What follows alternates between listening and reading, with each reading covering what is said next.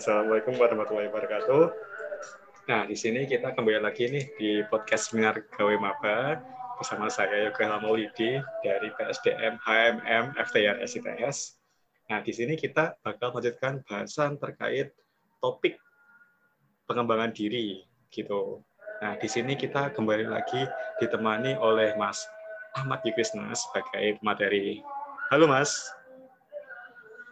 Halo, selamat malam Mas Yoga. Halo, halo. Nah, di sini Mas. Nah, di sini kan kemarin teman-teman udah uh, mengisi form dan dan ada beberapa pertanyaan dari teman-teman. Nah, di sini dari kami PSDM MFTR SITS sudah memfilter dan menyaring pertanyaan-pertanyaan mana aja sih yang akan kita bahas pada malam hari ini begitu. Bisa langsung mulai aja Mas ya. Oke. Oke. Nah, pertanyaan pertama. Pertanyaan pertama. Ah, bagaimana solusi apabila seorang mahasiswa sudah berusaha mengembangkan dirinya nih di dalam bidang yang ia minati, misal manajerial gitu mas ya. Tapi pada prakteknya mereka tuh sulit gitu akibat seleksi-seleksi yang ada dalam bidang tersebut gitu, sehingga keinginannya itu nggak tersalurkan gitu mas. Jadi kayak dia itu ikut oprek apa kayak contohnya dia ikut keprofesian gitu mas ya. Dia wah aku pengen keprofesian nih. Terus dia ikut oprek oprek contoh oprek sapu angin gitu. Tapi ternyata dia tidak diterima gitu. Nah ini gimana mas kalau yang kayak gini gitu? Jadi kan dia nggak bisa mengembangkan dirinya di bidang yang ia minati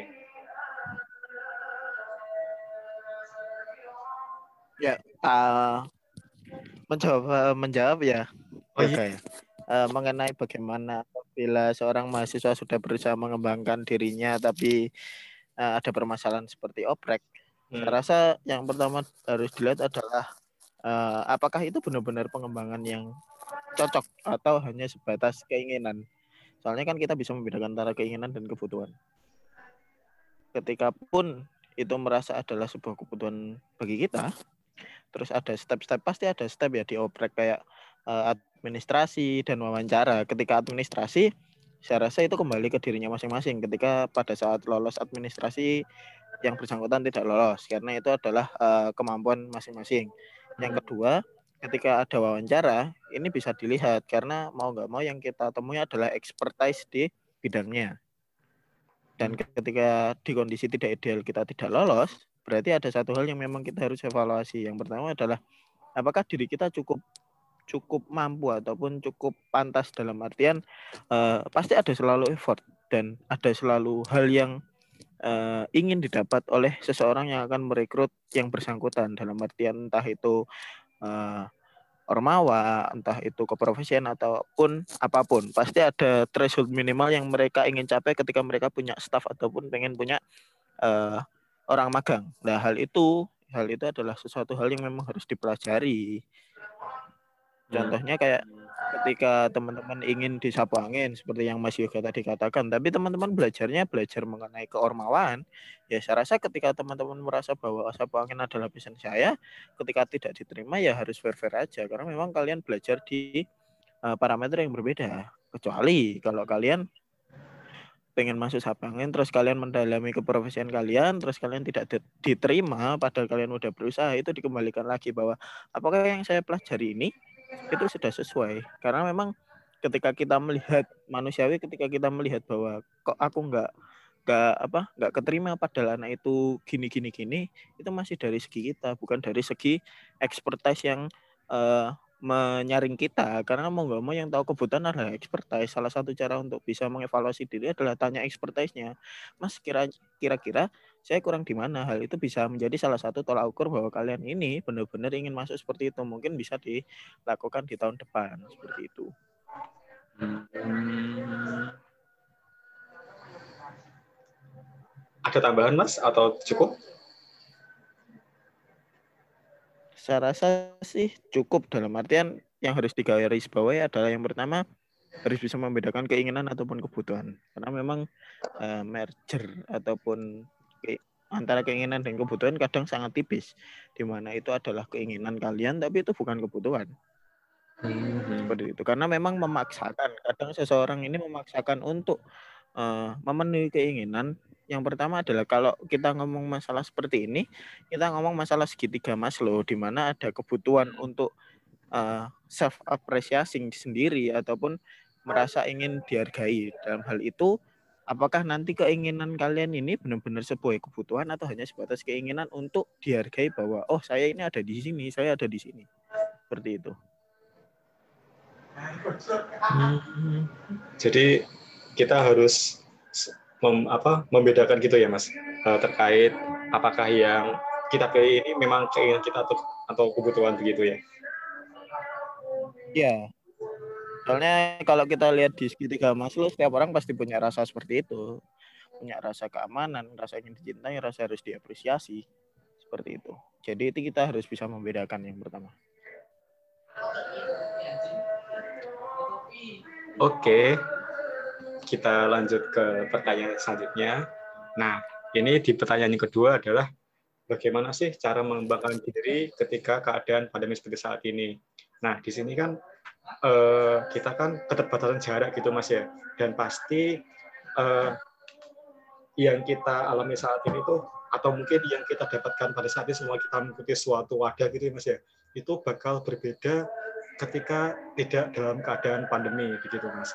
Nah gimana sih mas caranya biar kita itu hmm. tetap berkembang secara maksimal gitu meskipun keadaannya ada pandemi seperti saat ini gitu.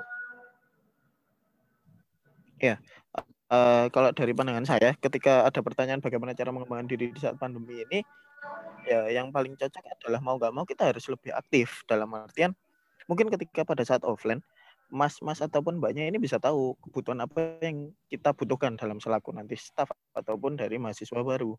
Karena memang kita berada di lingkungan yang offline ataupun lingkungan yang sama di mana kita bisa lihat karakteristiknya. Tapi kalau di online seperti ini karena memang ada jarak yang memang memisahkan, jadi yang bisa kita harapkan adalah kita harus proaktif. Dalam artian kalau teman-teman memang e, ingin menanyakan sesuatu, tanyakan ke mas mbaknya yang tepat. Hmm. Dalam tanda kutip tepat ya seperti itu karena mau nggak mau ya apa yang bisa kita kita representasikan ketika teman-teman ini kurang ataupun nggak tahu karena memang salah satu caranya adalah metodenya adalah komunikasi. Selama komunikasi tidak dicapai ya berarti teman-teman harus proaktif. Seperti itu. Karena pada saat pandemi di sini mau nggak mau idealis kita sangat dibenturkan bahwa uh, kita harus bertahan hidup secara garis garis besar ataupun tanda kutip kita harus bertahan hidup. Yaitu dengan cara kita proaktif untuk mencari ilmu-ilmu yang mungkin ingin kita capai. Bisa kita lihat dari online bisa lihat dari mas mbaknya. Kalau emang nggak bisa ketemu offline tapi yang harus dicatat adalah ketika nanti sistemnya menjadi offline teman-teman harus bisa mengejar kalau teman-teman nggak bisa proaktif. Jadi jangan salahkan ketika nanti pada saat kondisi offline teman-teman ini punya banyak banyak tugas. Dalam artian teman-teman harus bisa uh, mengondisikan diri atas perubahan yang dulunya online menjadi offline. Teman-teman punya uh, pengembangan diri sendiri bisa memanage yang dulunya di rumah cuma bisa malas-malasan mungkin ataupun uh, lebih bisa diatur tapi ketika nanti di Surabaya ataupun di lingkungan kampus teman-teman harus aktif. Dalam artian uh, banyak hal yang bisa dicapai seperti itu. Teman-teman harus lebih proaktif saya rasa di masa pandemi seperti ini.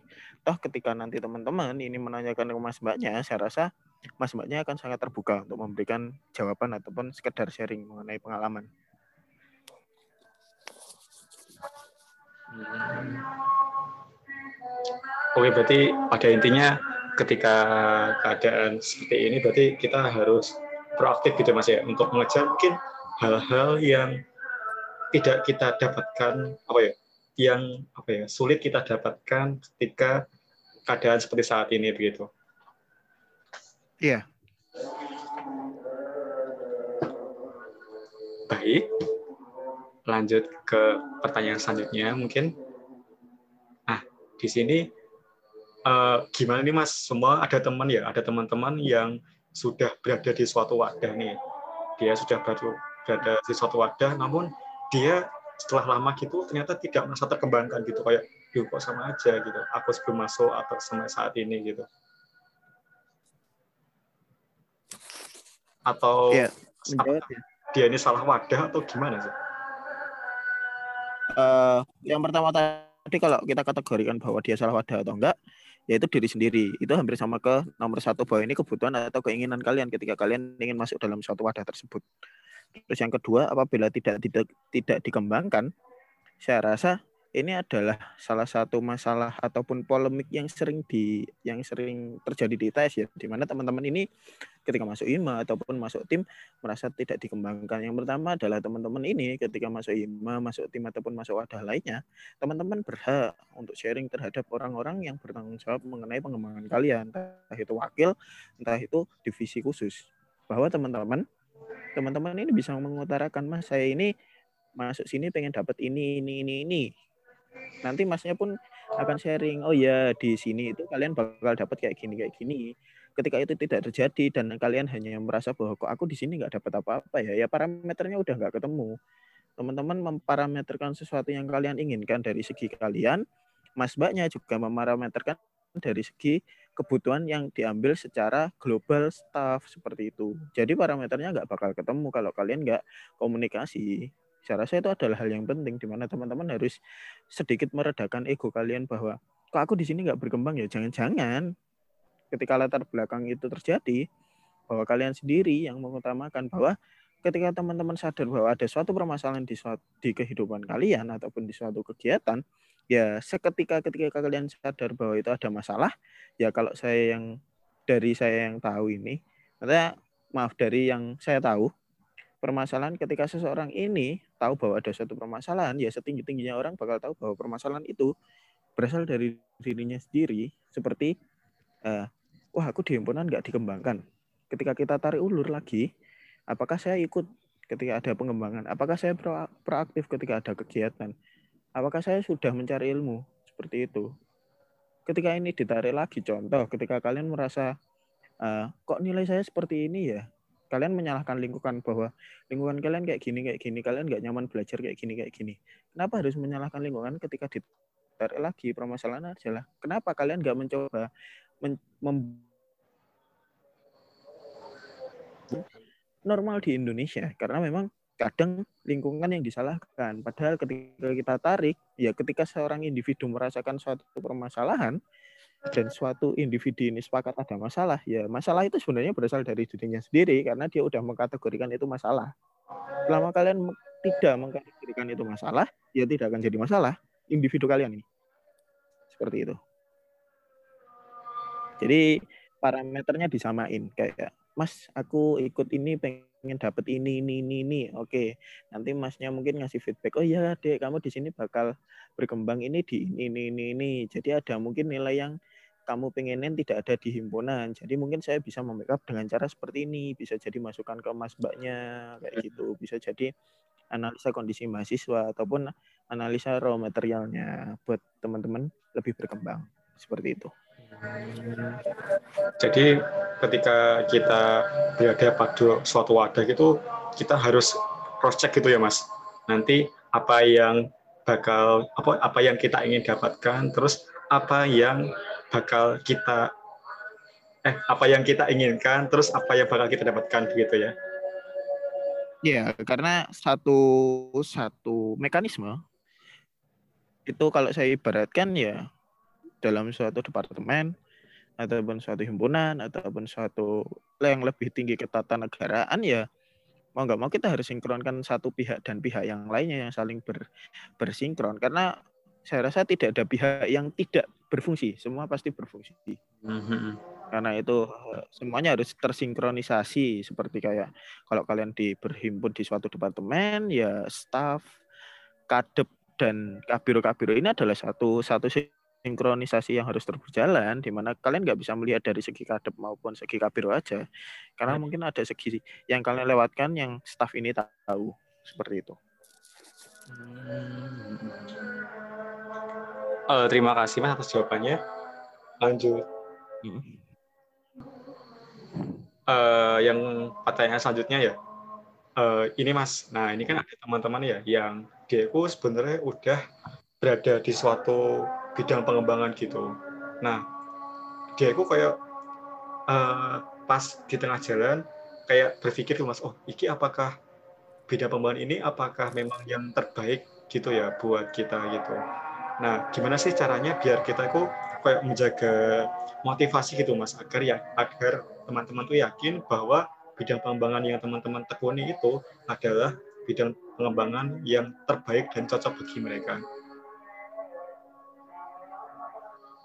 Ya, uh, nomor empat ini sebenarnya berketa, berkaitan dengan di mana awalnya ini keinginan ataupun kebutuhan. Kalau teman-teman mendefinisikan bahwa ini kebutuhan, saya rasa ketika teman-teman berada di kondisi yang tidak ideal seperti uh, mungkin uh, lelah ataupun mungkin bosan, saya rasa itu adalah manusiawi di mana eh, fase-fase uh, seperti itu pasti di, dilalui oleh semua orang.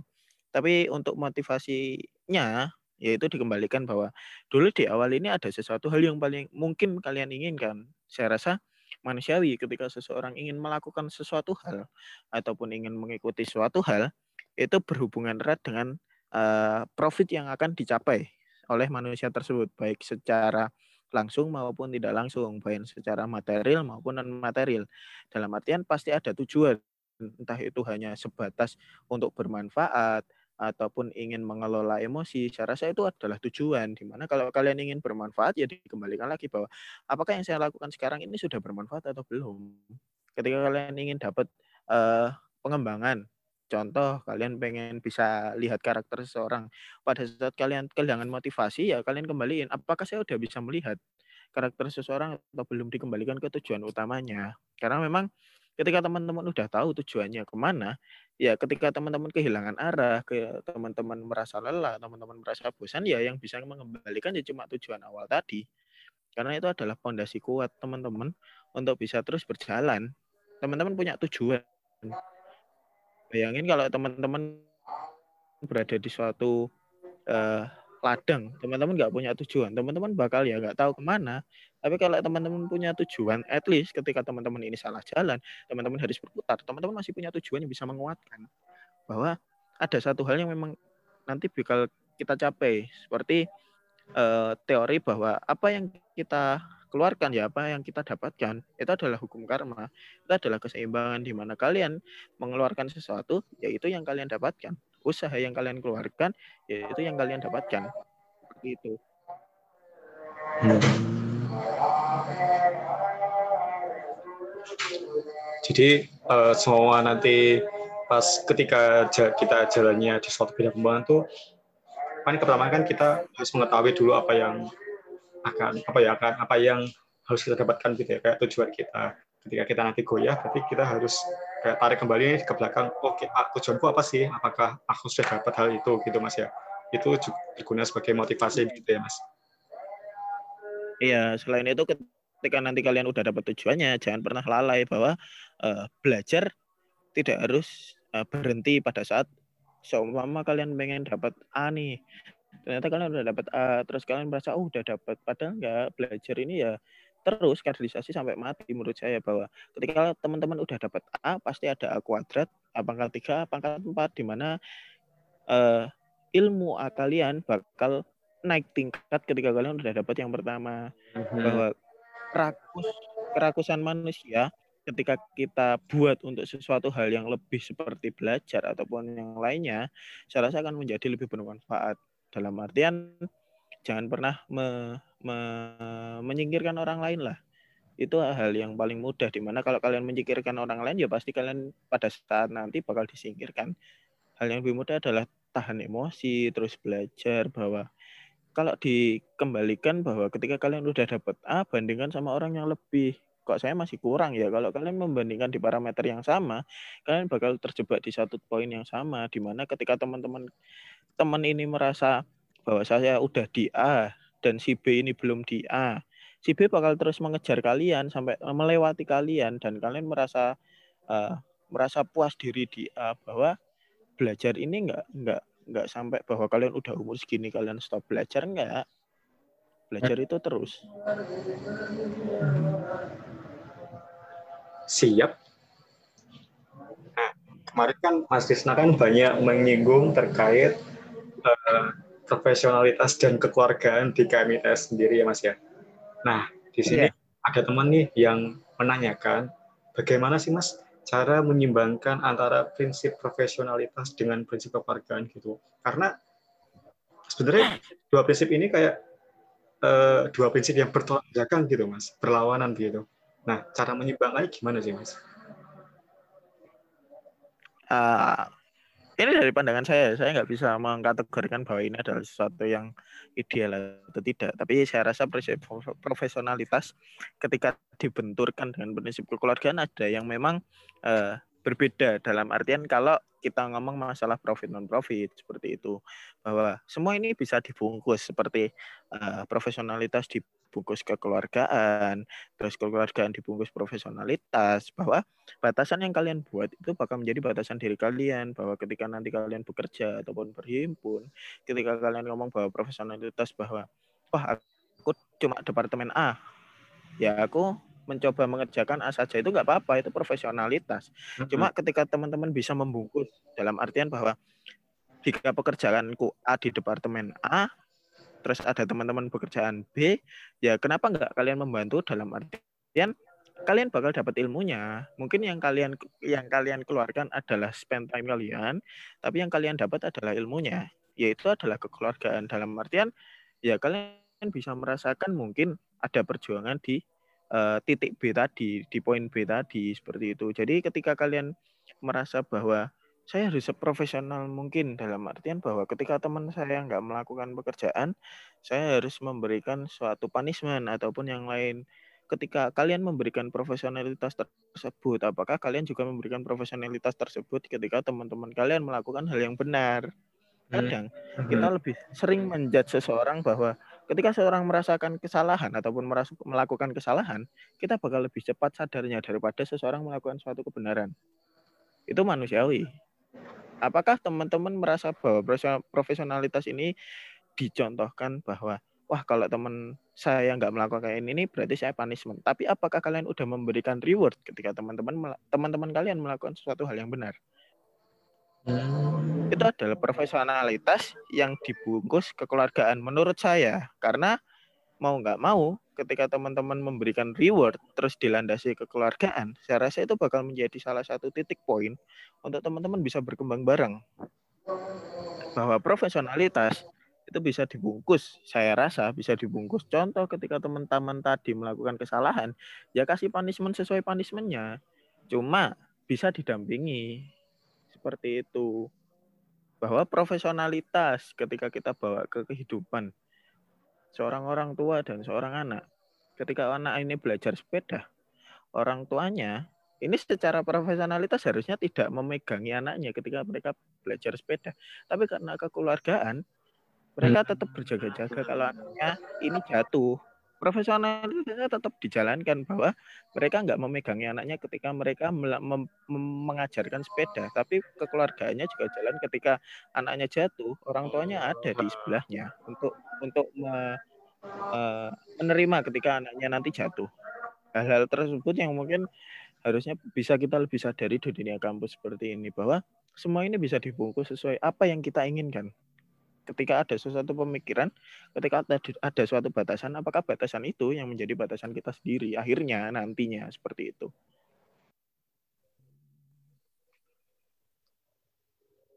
Waduh, tadi analoginya super sih. Ke bapak-bapakan gitu. Iya dong. mau gak mau ya kan. Fase di umur-umur seperti ini. Kita juga harus melihat masa depan. Asik. Nah, jadi seperti itu teman-teman jawaban dari Mas Rizna atas pertanyaan-pertanyaan yang telah teman-teman sampaikan begitu ya. Uh, sekian mungkin buat podcast khususnya pada materi pengembangan diri pada malam hari ini. Nah, di sini dari Mas Rizna ada feedback terakhir nggak? Uh, saya rasa mungkin teman-teman bakal sangat apa ya sangat berpikir bahwa saya ini kok kayak gini ya. Ternyata ini fase di mana teman-teman ini berpikir bahwa apakah yang saya lakukan ini gimana? Ini adalah fase di mana teman-teman ini membuat keputusan untuk bagaimana kalian nanti berjalan ataupun kalian membentuk cita-cita kalian. Apabila di pertanyaan ini ada pertanyaan feedback lanjutan ataupun pertanyaan yang mungkin akan dilanjutkan, silakan tanya Mas Yoga ya kan. silahkan bisa hubungi Mas Yoga. Nanti mungkin pertanyaan kalau Mas Yoga bisa jawab mungkin dijawab sama Mas Yoga sendiri. Tapi kalau mungkin nggak bisa bakal diteruskan ke saya. Jadi uh, di fase-fase seperti ini pertanyaan-pertanyaan kalian ini ketika saya tarik uh, benang merahnya, cuma ada satu yaitu kalian bisa mengkategorikan ini kebutuhan atau keinginan kalian. Karena kalau kalian merasa keinginan, ya apa pun keinginan kalian, kalau kalian udah dapat keinginan kalian, manusiawi bahwa manusia akan puas. Tapi kalau merasa kebutuhan, kebutuhan ini itu tak akan pernah habis. Saya rasa ya, kebutuhan contoh, kebutuhan ingin pakaian bagus. Kebutuhan ingin pakaian bagus bahwa, wah, kalau parameter sekarang pakaian bagus adalah A, terus beberapa bulan lagi parameter pakaian bagusnya adalah B, ya kebutuhan kalian bakal terus ada. Tapi kalau keinginan, saya ingin pakaian uh, merek sekian. Berarti kalau kalian udah bisa dapat merek ini, kalian akan berpuas diri. Yaitu adalah perbedaan keinginan dan kebutuhan. Yang itu harus kalian bisa pilah-pilah. Menjadi mahasiswa tidak semudah itu dan tidak seberat itu bahwa kalian harus bisa memilih keinginan ataupun kebutuhan. Pada dasarnya nanti kalian bakal uh, mendapat hukum karma, entah itu karma yang baik, entah itu karma yang buruk, karena memang di dalam keinginan dan kebutuhan kalian ini bakal menunjang uh, psikologi kalian, bakal menunjang interaksi sosial kalian mengenai keinginan dan kebutuhan. Uh, keinginan harus cepat dicapai, kalau kebutuhan tergantung waktu.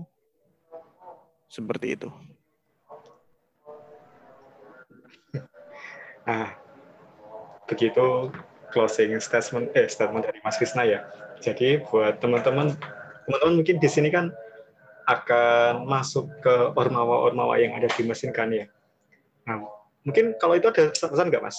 Nah ini kan teman-teman kan udah mendaftarkan diri di suatu ormawa di mesin gitu Mas ya. Dan yeah. istilahnya sudah memilih wadahnya, wadah berkembangnya gitulah. Apakah ada pesan-pesan begitu? Ya, yeah. Uh, buat teman-teman yang udah memilih ormawa-ormawa yang ada di uh, KMM, KMM, saya rasa adalah uh, ketika kalian udah memulai, ketika kalian udah membuat kunci kalian untuk menstart tubuh kalian ataupun badan kalian ataupun diri kalian untuk berkembang di situ, ya harus sampai finish, harus sampai selesai. Bahwa ketika kalian nanti merasa melakukan kesalahan bahwa oh ini tidak sesuai kebutuhan, ini tidak sesuai keinginan, ya secara gentle bagi seorang manusia ketika udah dimulai ya harus kalian selesaikan bahwa itu adalah yang saya tadi bilang bahwa itu adalah sesuatu yang kalian dapat. Sebab akibat ketika kalian dulu menyebabkan sesuatu ya akan berakibat sesuatu.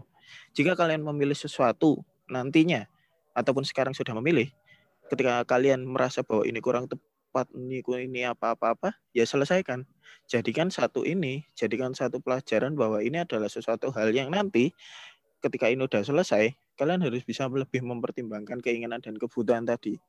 Jadi kan ini sebagai pengalaman bahwa tidak ada sesuatu hal yang harus disesali, tidak ada sesuatu hal yang salah. Bahwa ketika kalian berada di suatu kondisi lingkungan entah itu ideal atau tidak, ya jadiin pelajaran. Kalian nggak mungkin di titik yang lebih jauh ketika kalian tidak berada di titik ini, entah kondisi ideal ataupun tidak. Bahwa kesalahan ataupun keuntungan itu gak itu juga berperan aktif dalam kalian nanti bakal sukses atau tidak. Bagaimana diri kalian bisa menyeimbangkan diri kalian masing-masing, yaitu selesaikan apa yang udah kalian mulai. Harus sampai akhir. Apa apa yang kalian hidupkan, ya apa yang kalian nanti matikan. Apa yang udah kalian start, ya itu yang kalian finish. Itu teori dasar menurut saya. Gentle gentle seorang manusia adalah ketika udah mulai ya harus diselesaikan. Entah nanti uh, kerikilnya seperti apa. Saya rasa ya ketika nanti semakin banyak kerikil semakin kalian belajar bahwa kalian akan lebih hati-hati ke depannya. Seperti itu. Jadi jadi menyelesaikan apa yang telah dimulai begitu ya mas iya Terima kasih buat Mas Rizna atas kesempatannya dan mau untuk menjadi pemateri pada podcast Minar KW Maba ini. Nah, buat teman-teman selamat berkembang di bidang pengembangan atau wadah yang kalian pilih ya. Uh, tetap semangat nanti buat ke depannya, selesaikan apa yang telah kalian mulai, mungkin sekian bisa saya tutup ya. Sekian podcast yeah. gawe maba khususnya pada materi pengembangan diri pada malam hari ini. Uh, saya Yoga Ilham Maulidi dari PSDM HMM FTRSTS mengucapkan terima kasih banyak atas partisipasi teman-teman dari awal hingga akhir. Wassalamualaikum warahmatullahi wabarakatuh.